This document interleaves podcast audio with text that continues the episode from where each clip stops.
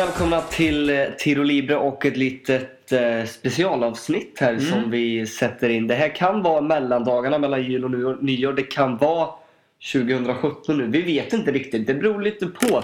Det vi vet är att det är inga, inga La Liga-matcher just nu, nu, nu.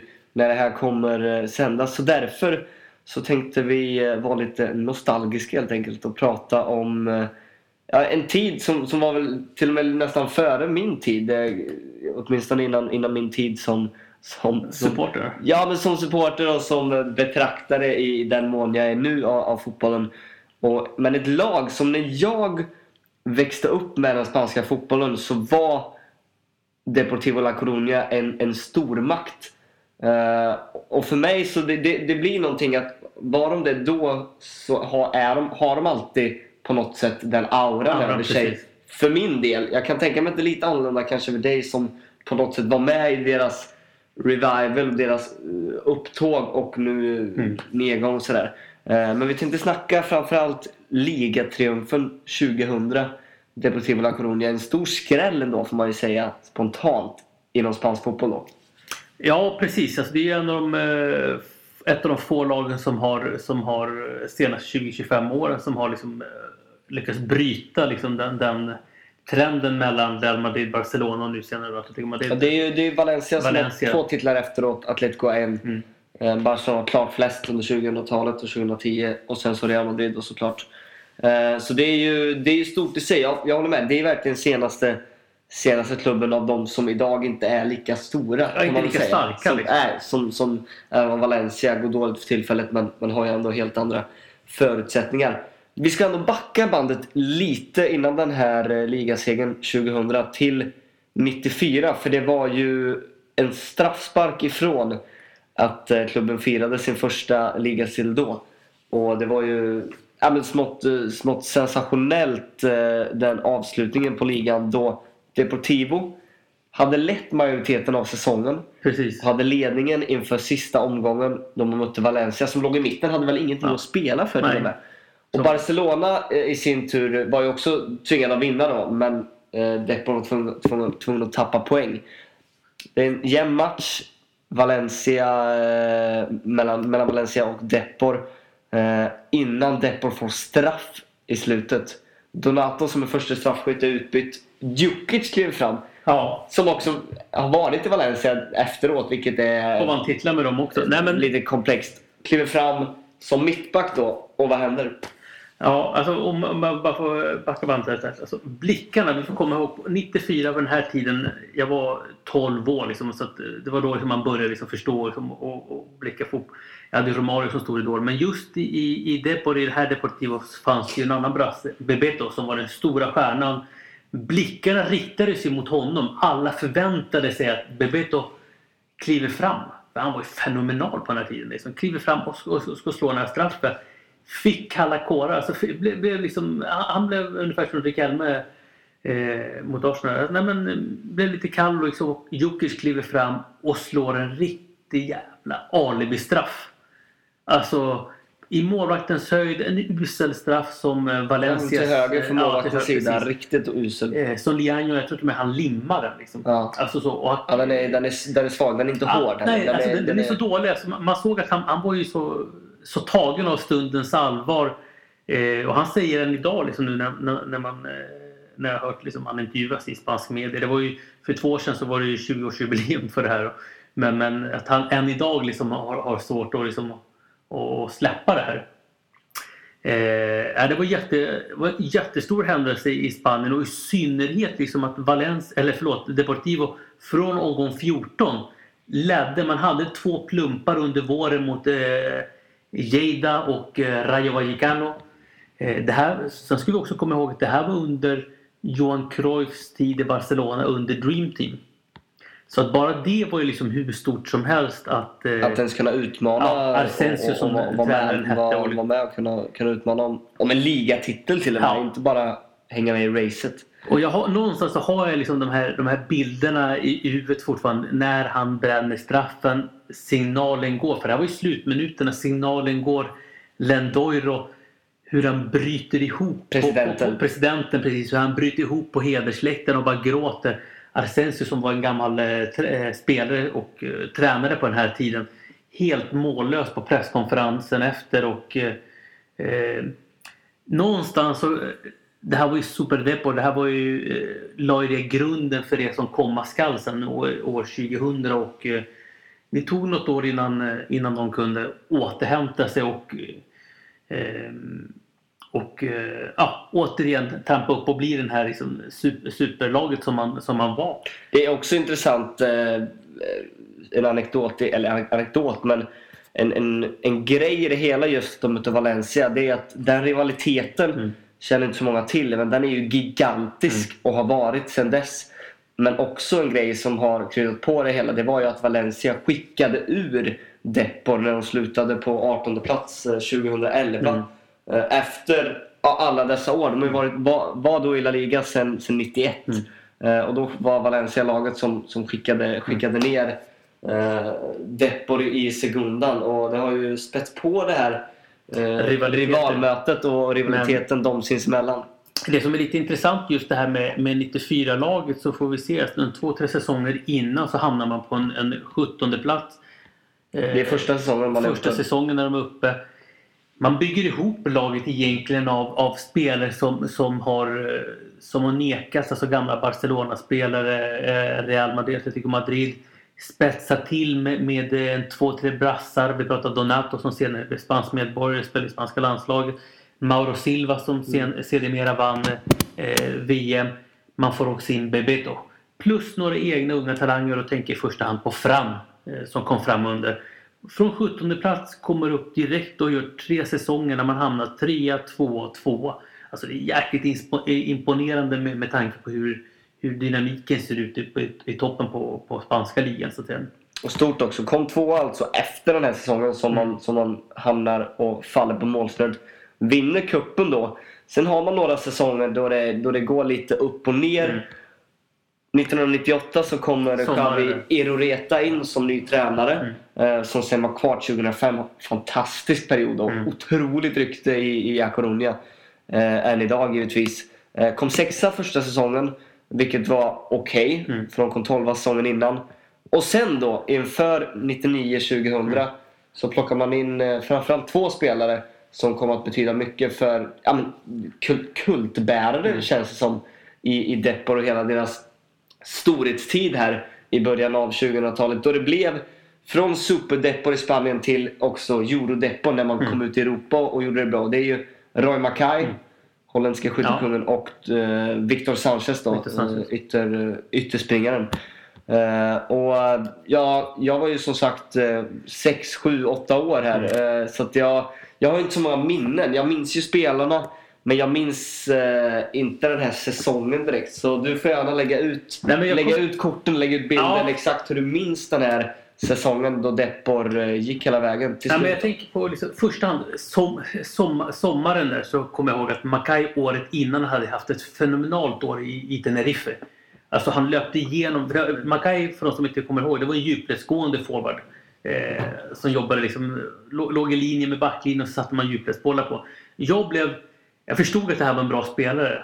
Eh, jag var 18, 17 år, skulle fylla 18 den här sommaren. Liksom. Men, men de hade, Deportivo hade redan två etablerade bra La Liga-anfallare så jag förstod aldrig riktigt vad de skulle med den här gubben till. De hade Pauleta, eh, portugisen och eh, Toro Flores, eh, mm. argentinaren. Sen hämtade de in, sen hämtade de in eh, Macay under sommaren och han var ju fullkomligt fenomenal. Eh, och, och etablerade sig ganska snabbt också. Etablerade sig ganska snabbt. Han har haft en bra säsong i, eller haft en, en säsong i i Tenerife. Eh, gör jättebra, värvas in. Och eh, han får ordning på det här på något sätt, eh, Iroreta. Jag kommer ihåg att han hade några liksom, konflikter med eh, den charmige Jalminja. Liksom. Det, det, kunde vara, det var hatkärlek. Liksom. Ena stunden kunde de bråka liksom, nästan att de skallades med varandra och stångades. Och, det fanns ändå en kärlek där. Ja, det fanns ändå en kärlek. Han såg ju liksom den här genialiteten hos den här, den här eh, brassen. Eh, anmärkningsvärt från den här startelvan som de hade det här året med Jackson Go i mål som var kameransk landslagskeeper. Eh, de hade Manuel Pau. Vi dra hela elvan då. Ja, vi kan dra hela elvan. Från, från, från backlinjen. Ja, eh, som går i mål såklart. backlinjen då med Manuel Pablo som la av för några år sedan. Ja, har som varit i år under hela, hela, hela sin tid. Eh, Naibet och Donato, Donato. som eh, centrala Donato som, hade, som, man, som, hade kom, som hade blivit lite äldre som man faktiskt skolade om eh, sen, eh, på senare tid liksom, till, till mittback som egentligen var en innermittfältare. Enrique Romero som vänsterback och sen då som ett 4-2-3-1 med Ja. Mauro Silva, Flavio Conceição, eh, precis. på, på det centraldefensiva mittfältet. Flavio senare Mm. Real Madrid. Och sen då Victor till höger, fram till vänster och så geniet Jalminha Mm. bakom eh, Roy Mackay. Det var väl så det såg ut stora delar och i slutet i alla fall när det satte sig Mm. under Iroreta. Eh, av de här elva, vilka, ja, vilka var dina favoriter? Vilka var det som, som inte kanske bara stack ut målmässigt, poängmässigt? Vilka, Mm. Ja, men, vilka var eh, det du full för? Jag, jag har två spelare som som är föll för. Jag kommer min pappa sa det, så de är hårda som mur sa liksom. och, då, då, och då pratade vi om Donato och Mauro Silva. Liksom. Det var två brassar, två, två liksom, de, de var ungefär kubikformade. Alltså, så stora, trygga, liksom, alltså inte långa men liksom muskulösa.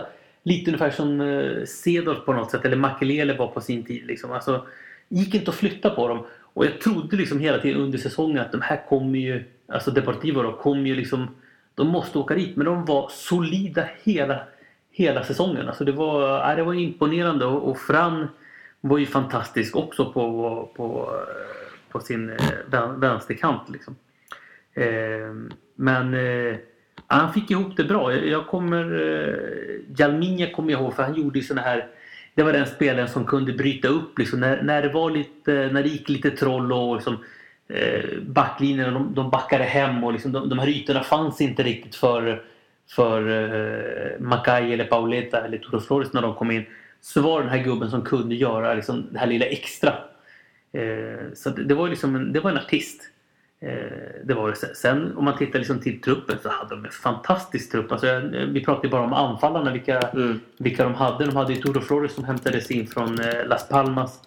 Eh, Pauleta som sedermera eh, slog målrekord i, i PSG. Så det var ju det var, en, eh, det var inte ett dussinlag som, som vann utan det var ett eh, riktigt, riktigt eh, eh, bra lag och med, med många, många fina spelare. En annan spelare som sticker ut är ju Ivan Perez som var fjärranfallet som var Alfonsos eh, gamla BT-spelarens eh, lillebrorsa. Eh, faktiskt att eh, eh, det, Deportivo, det, är som det, det, man glömmer bort då. Det är kanske största, eller ytterligare en stor skalp som också gick, eh, pågick liksom under, under 00-talet. Det var ju den här skalpen 2002 på Santiago Bernabéu. Just det. Det året, snackar Deportivo. Deportivo, det året eh, eh, Real Madrid firade, var det 100 år? Ja, det var ju cupfinal 2002 mellan eh, Real Madrid Mm. och eh, Deportivo La Coruña. Real Madrid firade 100 år på dagen Vilken? och fick finalen till Bernabéu. Det var ju som upplagt Mm. för att Real Madrid, Madrid skulle fira sin 100-årsdag genom att knäppa Depor på näsan och plocka en, en ny titel. Mm. Eh, men riktigt så enkelt blev det ju inte och, och, och liksom när Atletico Madrid vann på Bernabéu så, så stod ju Real där lite med byxorna nere och, och Depor vann matchen med, med 2-1. Den här matchen minns jag ju. Eh, och det var ju, Diego Tristan han gjorde väl inte 2-1 målet men han gjorde 2-0 målet Han gjorde jag. ett av målen, sen var det Eh, Sergio andra. Ja, eh, och Tristan är en av de nya spelarna inför Mm. den säsongen som, som också kommer att bli otroligt värdefull och på något sätt uh, uppnådde ikonstatus Mm. nästan i Depor. Och ja, Deportivo vann ju, vann ju cupen och just på det sättet de vann eh, den titeln var ju det, det, det var ju extra, extra speciellt såklart och det är ju ja, en av de absolut största skalperna och överraskningarna i, i, i Depos historia såklart. Ja, men, men så är det. Sen får vi ju liksom... Alltså, under 90-talet och eh, ja, egentligen fram till 2010, alltså under eh, de här 15-20 åren så gör ju Deportivo en... Eh, det var en klubb med ordning. Man värvade bra, man värvade smart, man sålde eh, dyrt. Jag tänker på i slutet på 90-talet innan. Jag vill säga att man hämtar in till exempel Rivaldo. Eh, då var det Pesetas vi pratade om, men, men för en relativt billig, billig peng säljer honom vidare till, eh, till eh, Barcelona. Samma sak när man vinner Mackay, en annan spelare som man hämtar in inför mästersäsongen. Åren därpå hämtar in också Ja, det- bra det- scouting. Liksom man hämtar in. Luke, Tristan. Man hämtar in Aldo Duscher också som, som eh, argentinare. Och, och, ka- tillbaka. och kanske allra främst säsongen efter man har vunnit ligan så plockar man in eh, Juan Carlos Valeron. Juan Carlos Valerón. Eh, en från, eh, från Atletico Madrid. Så både han och Tristan Mm. kom ju in och på något sätt tog i slutändan ordinarie platser. Mm. Vilket var helt otänkbart bara något år innan då Jalminja och Mackay Mm. var liksom de två kanske offensivt största stjärnorna. Och det tyder på enormt bra scouting. Mm. Så all cred till hela den sportsliga ledningen, Lendoiro under den perioden som på något sätt inte bara skapade ett monster utan höll liv i det Mm. ganska länge också. Eh, för det, ja, det, var ju, det var ju väldigt många år som, som Depor var den otroliga stormakten. Jag gick igenom Ja, men- gamla, gamla resultat just från, Mm. från eh, ligasäsongen när de vann. Mm. Och de vann med 5-2 hemma eh, mesta säsongen då, mot, mot Real Madrid. Då Macay, Dalminha, Victor och eh, Toro Flores, eh, jag tror han kom in och gjorde, gjorde två mål Mm. på slutet. Eh, och det och cupsegern mot Real Madrid. Det var, liksom, det var ett lag som, som inte var med uppe i toppen utan som var där och styrde och ställde ibland. Mm. Ja, men det, det, var, det var liksom en... en eh, ut, utan att, liksom, utan att sk- skrälla på orden så det var, det var under, under den här tiden, alltså mitten på 90-talet fram till 2008 ungefär, så var det liksom en stormakt i Spanien. Alltså man, man var cementerade på toppen, eh, på topp 6. Eh, Inte riktigt fram till 2008 va? ja, kanske något år tidigare. Men, liksom, eh, men ja, man, man, Men hade, man hade fortfarande statusen väldigt, väldigt Ja, länge. man hade hög status och eh, man lyckades få till sig, liksom, locka till sig bra spelare. Eh, sen som jag sa, där, under, under liksom mästersäsongen så gör man en väldigt, väldigt solid eh, solid säsong. Alltså man, man vinner de här svåra matcherna. Det berör liksom att man vinner mot eh, Real Madrid. Mot Barca spelar man upp bra. Man vinner de här liksom svåra bortamatcherna. Eh, och du får de här spelarna på något sätt liksom att prestera på topp Mm. eh, av sin kapacitet. Och, och jag tror kanske liksom det, det starkaste han kanske gör där eh, Iroreta som, som tränare är just liksom att hålla de här gubbarna glada. Eh, glada. För ett av liksom de vanliga bytena som han gjorde liksom var att skifta från 4-2-3 tätt ut en av mittfält, en av de här balansspelarna eller ta ut Jalminha i sådana fall och satte oftast in Pauleta eller Toro Flores för att få lite mer tryck och spela med två eh, mer renodlade centrala anfallare. Eh, som, eh, och det här, det här är ändå liksom en, en gyllene generation så att säga. Som, Oh ja. och eh, nå- någonstans så gläds jag liksom. För någonstans har jag minnena kvar att när Lendoiro bryter ihop när, efter slutsignalen 94 när Jokis missar straffen. Att några år senare att arbetet på något sätt ger frukt och de får lyfta den här bucklan och eh, slå sig in i historien och, och eh, bland de här toppklubbarna.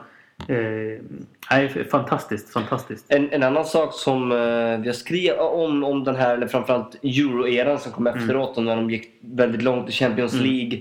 Tre, fyra säsonger i rad. Framförallt och som, som vi minns när de slog ut Milan Mm. och vände 1-4 underläge till 4-0 seger Mm. i returen och gick till, till, till semifinal 2004. Men under hela den här perioden så, så är det slående att till och med de här spelarna som ja, men inte alltid var ordinarie valde att stanna kvar. Det, det är ju nästan unikt skulle jag säga att de lyckas behålla så många spelare. Och kollar man på alla de som har alltså, flest, eh, flest matcher i klubben så har alla av dem i toppen varit med under den här eran. När det är Fran, Mauro Silva, Man Pablo, Donato. Sergio Valeron. Alla har varit Nej, med under den här eran och det är ju nå- någonting som, som också är att lyfta på hatten för och något som är imponerande.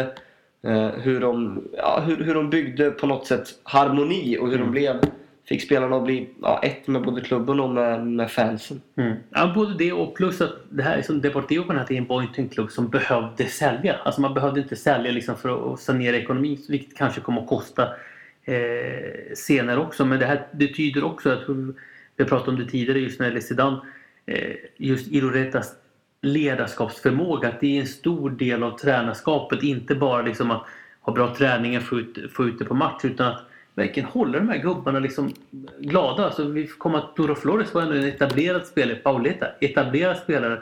får ändå få sitta på, på, på bänken när Makai kommer in. Eh, att ta sådana grejer. Och sen Jalminja samma sak när eh, Valeron kommer in. Eh, så att han var ju otroligt eh, eh, en otroligt bra tränare men också, också ledare.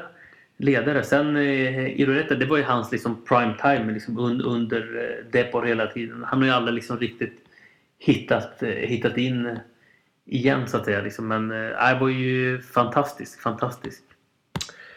Ja, härliga minnen att blicka tillbaka mot eh, om, vi, om vi kollar framåt då. För det, det gick ju, de kom sjua i ligan 2011 tror jag. 11. Eh, jag kan inte svära på det, men jag tror 2011. Det ska vi kolla upp. Eh, och, och blandade och gav oavsett vilket även innan dess. Eh, nej, det var till och med 2009 Mm. Eh, som de kom, de kom 11. Det var 2011 de åkte ut för guds skull. Eh, men 2009 så kom de sjua och de hade blandat och gett lite efter det. Så från, ja, från egentligen 2005 så dalade det ju. Och ganska kraftigt och ganska rejält. Och man har ju varit och vänt nu två vändor i Segunda Division och är nu tillbaka igen i, i, eh, i La Liga. Ligger på 16 plats för tillfället. Kommer slåss i botten av, av tabellen. Det, det är någonting vi nog kan räkna med. Eh, vad, vad har egentligen hänt och vad, vad, vad tror du framförallt vi kan förvänta oss framöver av Deportivo? Finns det en storhetstid runt hörnet och hur lång är vägen dit? Problemet drabb- drabbades ju liksom av, eh, av eh, så många lag i, i Spanien gjorde liksom av den ekonomiska krisen där 2008-2009. Eh, och det slog extra hårt mot eh, Deportivo i det här fallet. Eh, och precis som du nämner, man har, varit, man har varit nere två gånger. Man har haft in spelare, alltså Guardado exempelvis och, och eh, några till. Och liksom, Eh, nu måste man ju ner igen alltså, och, och liksom bygga upp det här igen. Jag tror ju inte liksom att på kort sikt tror jag inte att vi får se Deportivo som ett etablerat liksom, eh, topp 6, topp 7-lag. Utan... samtidigt ser vi hur snabbt det kan gå med, med, med liksom rätt ledarskap. Om vi kollar på Celta Vigo exempelvis. Mm. Som också var ja, men en, en större makt i alla fall eh, un, under, den, under liknande Mm. period när de spelade Champions League. att... Och kom, kom ju upp Ja. i liknande läge och faktiskt etablerat sig numera. Eh, men jag tror, jag tror ju att, eh, eller tror, tror jag vet, liksom att Deportivo jag tror från 2011 framåt där in 3-4 år så drabbades man, alltså fram till för två säsonger så drabbades man av Jorge Mendes sjukan. Det vill säga att han var inne och nosade lite i klubben. Fick dit liksom portugisisk tränare, fick dit för många av sina spelare. Så att man hamnar liksom egentligen i samma situation som Valencia är idag. Och vi ser ju hur det går för Valencia. Eh, Det är inte bara frid och fröjd och, gröna skogar med Jorge Mendes. Nej, verkligen inte. Så jag tror liksom att eh, klubben har varit där. Kan de komma dit igen? Absolut. Men det krävs något, ett bra presidentskap, ett bra sportcheferi, en bra tränare och långsiktighet. Eh, plus att man måste värva smart även om man kanske inte har jättestor eh, pengapung. Men jag tror på 5-6 års sikt om man jobbar bra så har man potential att, eh, att eh, Åtminstone titta lite högre upp titta högre upp än att bara liksom, eh, eh, jobba 16 plats till 10 plats. eh, Utan att man kan eh, stega upp. Men det finns, eh, du måste få in eh, kvalitativa spelare, få in en bra tränare. Ja, den nostalgiska mig trodde och hoppades någonstans att eh, Victor Sanchez som numera är tränare i, i Betis skulle vara den gubben. Men han fick ju gå i, i somras då. Eh, han var det i en och en halv eller nästan två säsonger någonstans hade man ju liksom velat att han skulle liksom tagit vidare. Men, men eh, Viktor då, som var, är som var den, den Viktor som, som var med under hela, Ja. hela stora fina eran och var, var Av Deportivo liksom. given högerytter under ett gäng säsonger. och eh, nu, nu liksom om man tittar på Deportivos trupp idag så eh, så är det inte många spelare man höjer liksom ögonbrynen. Det är väl kanske som Pedro Mosquera som är en, en, en fin innermittfältare, Real Madrid-produkt. Jag tycker dock att man eh, bör hålla ögonen uppe för Florin Andone, rumänen. Han var ju i Cordoba tidigare. Eh, jag tyckte att ja, nästan varje match han spelade med Cordoba när han kom fram. Mm. Det var ju då de åkte ur raka vägen. Eh, men att han ändå spelade jäkligt bra. Och har fått lite utväxling nu också målmässigt i, i Depor. Gjort en handfull, kanske sex Mm. mål.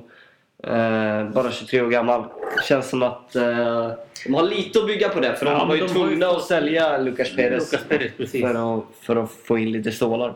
Eh, nej men sen får vi alltså det här med traditioner är starkt. Liksom. De, de Mm. har ändå det här i väggarna liksom att man har varit nere men man har också vunnit. Och det är sånt som fortfarande sitter, sitter kvar i, väggen, i, i väggarna. Och någonstans, liksom, det, det, det fina är ju liksom kanske jag tror definitivt de kan göra liknande resor som Atletico Madrid har gjort. Liksom att man var nere och vänt, kanske får in en gammal spelare som Mm. sportchef, eh, likt Caminero. Eh, och sen får in en riktigt, riktigt eh, bra, bra tränare. Och, eh, eh, nu, nu förhoppningsvis kan de på sikt bygga upp en starkare trupp och inte bara in massa inlånade portugiser från, eh, från Porto och Benfica utan bygga en stark trupp. Och, det, det ska ju sägas att Spanien oavsett vilken klubb det är i, i toppen men om vi just pra- pratar eller i La Primera Division så får man fram bra fotbollsspelare. Eh, så att det behövs inte alltid en stor, en stor eh, pengapung utan med smartness så kan man eh, bygga ihop Gå en, väldigt långt. Ja, gå väldigt Ja, det är väl, det är bygga ihop en någonting om inte annat som, som just Atletico Madrid har, har visat. Lyckats och även många andra klubbar, även om de kanske inte har vunnit så har de Mm. ju gjort det otroligt bra med väldigt, väldigt små medel. Vi, eh, vi ska börja runda av lite men eh, om du får peka på en då under här. Vi kan ta hela, hela stora, stora fina tio, tioårsperioden Mm. av Deportivos eh, storhetstid. Vilken spelare gillade du mest? Eh, nej, men jag Bara måste, välja en. Ja, Om jag bara får välja en. Och eh, jag var inne på Mauro Silva och Donato, två spelare som jag tror var otroligt viktiga. Men en spelare som, eh, som, eh, som jag såg, liksom, den, här, den här gubben hade något extra, det var ändå Bebeto. Eh, brassen som bildade anfallspar i brasilianska landslaget när de vann 94 med, med Romario. Han, alltså, han var eh, han var liksom den på den tiden spelade man ju, spelade man i Spanien oftast med två anfallare. Han var ju perfekt liksom i den här liksom släpande anfallsrollen. Och han ibland skar in från sin vänsterkant och eh, Frans serverade oftast honom med, med otroligt fina eh, passningar. Så att Bebeto var en, skulle jag vilja säga, den spelaren som eh, eh, som också var kvar, som också var kvar men betydde otroligt mycket liksom för att eh, för att de skulle eh, eh ja, kunna bygga upp eh, Mm. bygga upp eh, Deportivo igen precis som de gjorde. Sen eh, under 2000-talet liksom där, där de vann eh, ligan och, eh, och eh, kuppen så fanns det andra spelare som stack ut givetvis. Ja, det, är, det, det är lite orättvist eftersom att jag liksom inte riktigt eh, var, var med och fick bevittna Bebeto och, och inte alla av dem under 2000-talet heller i deras prime. Nej. Jag tog fram här under tiden min, min nyckelring och du ser vad det står på, på, på ja, den tröjformade. Det är en Las Palmas nyckelring egentligen. Ja. Men det står ju alltså Valeron på, på ryggen. eh, Och, eh, han var ju inte med och vann ligatiteln. Man undrar ju honom det. Däremot var han ju med och vann och var briljant när de vann cupen mot Real Madrid och skördade mycket fina framgångar Mm. utöver det.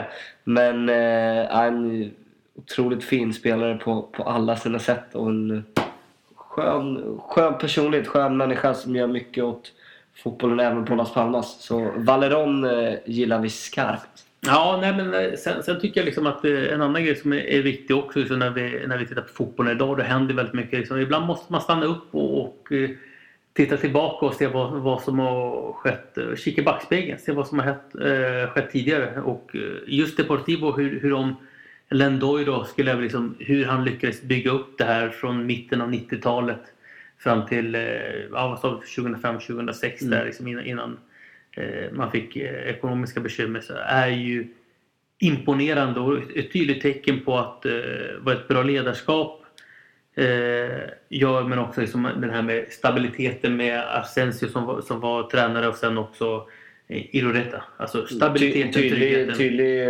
referens eller parallell kan ju dras med Fernando Reus i, i Villarreal som Mm. byggt upp Villarreal till från att vara ingenting egentligen i, Ja. regionen och var, var ju lillebror till Castellón som, Ja. som var, var laget som var Precis, eh, precis. störst däromkring till att bli ja, en av Spaniens Mm. just nu fem, Ja, sex fem- fem, sex största klubbar. klubbar. Har väl fjärde störst budget Mm. tror jag just nu. Så att det, eh, men det, med- det är imponerande. Och det går om man vill. Även i Spanien. Och det är väl det vi på något sätt vill poängtera. poängtera precis att det, det finns ju liksom eh, Även om det inte sker allt för ofta men otroligt många fina charmiga klubbar i Spanien. Ofta så pekar man ju bara på Real Madrid och Barcelona. Det är de vi känner till här uppe. Liksom. Men eh, det, det görs väldigt mycket bra, eller bedrivs mycket bra annan verksamhet i de andra klubbarna. Och det här är ju en liten hyllning till eh, Superdepor, Eurodepor eh, som eh, charmade mig i alla fall eh,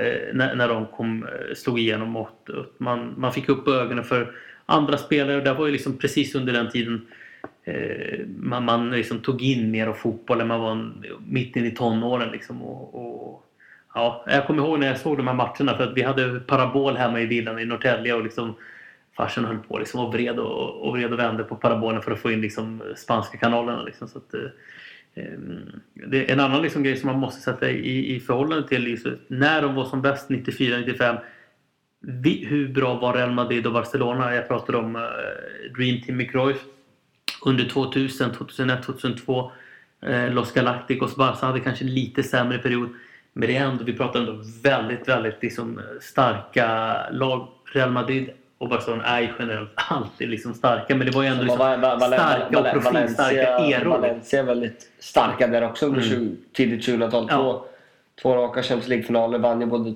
2002 och Mm. 2004 ligan. Så, så även om Barca var lite, Mm. lite sämre så var ju Valencia också en helt, ett, ett helt annat lag då. Vad de är nu. Men, men ja, så att eh, det måste man lägga till. Men, men också så när vi pratar om liksom, att, vad som krävs liksom, för att få upp de här men också vad som händer om man inte liksom, sköter det väl. Sen Mm. nu har de varit ner och vänt två gånger. Förhoppningsvis de är, uppe, är de uppe för att, för att stanna.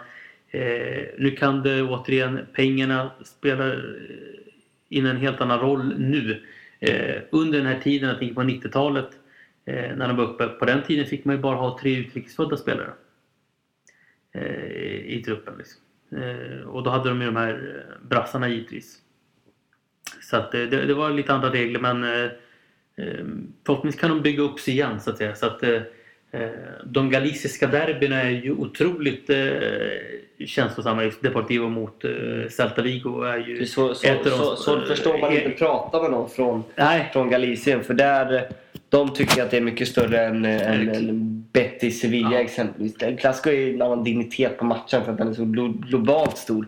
Men, eh, om vi tänker derbyn just så, så är ju det, ja, men det är topp två. Ja, nej, men jag skulle vilja ställa den i paritet med, med eh, det baskiska derbyt. Alltså, skulle jag säga liksom. Lite mer hat kanske. Ja, Eller definitivt mer hat. De sitter inte, de vill inte sitta nära varandra. Det kan Nej, ändå- nej men de det, kan det sitta och hålla hand på, på och, Anoeta innan- innan. och, ehm, nej, och så en fin arena också på, på resor. Så att, Mycket eh, nostalgiskt. Men mycket eh, nostalgiskt. Vi, vi gillar ju Depor och vi, vi hoppas ju någonstans att, eh, att vi får se Depor ute i Europa igen framöver. Jag hoppas ju det. Så jag, har ju, jag har ju ett minne som liksom ältar sig fast just när det gäller Eurodepor och det var ju den vändningen som du pratade om. Vad var det? 4-1 man förlorade borta mot, eh, Exakt.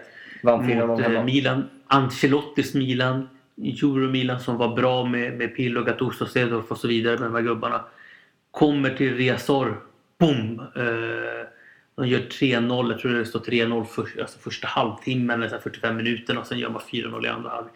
Och det målet jag kanske kommer ihåg bäst det var ändå Loke när han bryter in från sin vänsterkant eh, mot Dida som, som var ju fenomenal på den här tiden och bara stänker upp den med vänsterdojan liksom i första krysset. Inte diagonalt utan i första krysset. Och, stadion bara exploderar och jag kommer ihåg att jag såg den här hos mina föräldrar i Norrtälje och jag bara skrek och liksom förstod inte riktigt vad som var på gång. Det här var, 2000, eh, var det 2004. 4-4. Eh, tyvärr så räck, räckte man ju inte liksom hela vägen fram utan man åkte ut mot eh, ett cyniskt Mourinho och Porto. Liksom. Ja, det, det hade kunnat bli en, det hade varit ett, ett fint avslut på hela liksom. triumf annars. Ja. Men, ja. Ja, mycket, att, mycket mm. nostalgi. Vi hoppas att vi kan köra lite mer sådana här nostalgiska avsnitt kanske framöver. Man vet aldrig. Ja, men det tror jag. Vi Förhoppningsvis så, så dyker det upp eh, ett och annat. Vi, vi har något i, i bakfickan här som, som kan eh, beröra mål. Stora Valeron, tack för att ni lyssnade så hörs vi. Absolut. Ha det gott. Hola,